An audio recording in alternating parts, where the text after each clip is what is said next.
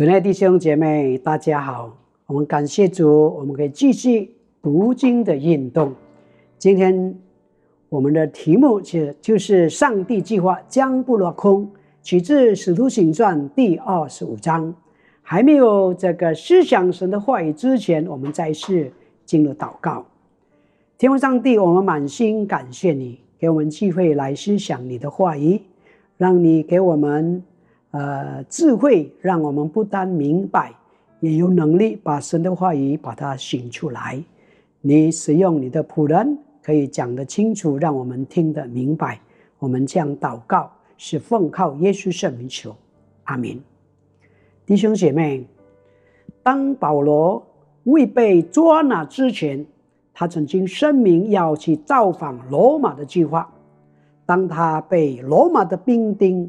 逮捕之后，那一天，神就这个站在他的旁边，对他说：“放心吧，你怎样在耶路撒冷为我做见证，也必怎样在罗马为我做见证。”这样的鼓励说明主许愿使徒保罗到罗马的这个计划。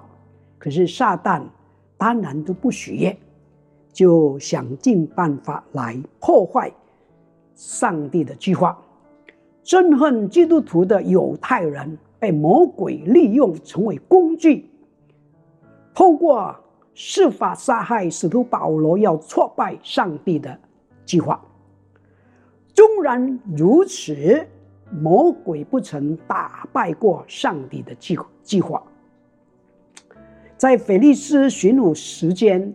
杀害使徒保罗的阴谋不得逞之后，在腓斯都巡抚年间，这些犹太人再度的千方百计的要重演谋杀使徒的保罗的计划。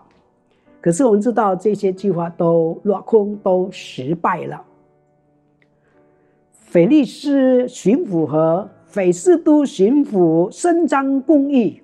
不明确的态度，叫使徒保罗最后就决定这个上诉罗马的该杀。从人的角度来看，我们会以为使徒保罗的这个处在威胁、被逼的这个啊情况之中，以至于他在不得不得已才去上诉罗马的该杀。可是，如从星星的角度来看，使徒保罗被。威胁和逼迫的处境，其实不是不得已，而是上帝要用利用此等的这个处境，成为器皿，使保罗可以有罗马兵丁护送到罗马市。所以我们看到神的计划很奇妙，是啊，保本来保罗诗人有计划要去罗马，可是神却。借着他被捉拿，呃，有罗马的兵丁护送他安全的抵达罗马市。亲爱的弟兄姐妹，腓力斯巡抚时间在该萨利亚，保罗被关两年的时间。我们看到神就利用这两年的时间，让保罗有一个很好的机会。什么机会呢？叫他停止常规的侍奉。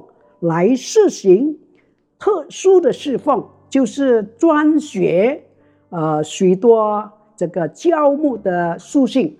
我们知道这个书信啊，对当时的信徒带来许多的帮助，给他们鼓励，给他们这个很大的安慰，也成为圣经的一部分。因此，这些书信历代就成为。信徒信仰生活的指南，现今全球都在新冠病毒的呃疫情之下。对此，你的观点如何？你是不是以为上帝被逼不得已呀，让我们信徒在家中，呃，这个进行线上的崇拜会？或者你是否相信上帝正在透过新冠病毒？大流行来成就他的计划，因为我们的上帝是啊掌管历史的上帝，他是可以透过这个环境，就是恶劣的环境来成全他的计划，因为神的计划是永远不落空。我们一起低头，我们进入祷告。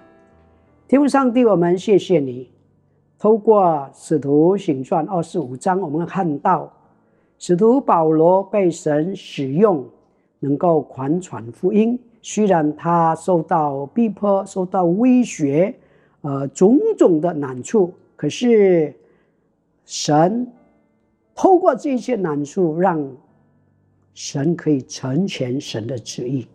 因为我们看到神的旨意、神的计划是永远不会落空的。我们感谢主，你帮助我们。明白这个真理，我们更加紧紧抓住神的应许，抓住神的话语，相信神，仰望神。我们这样祷告，奉靠耶稣圣名求，阿门。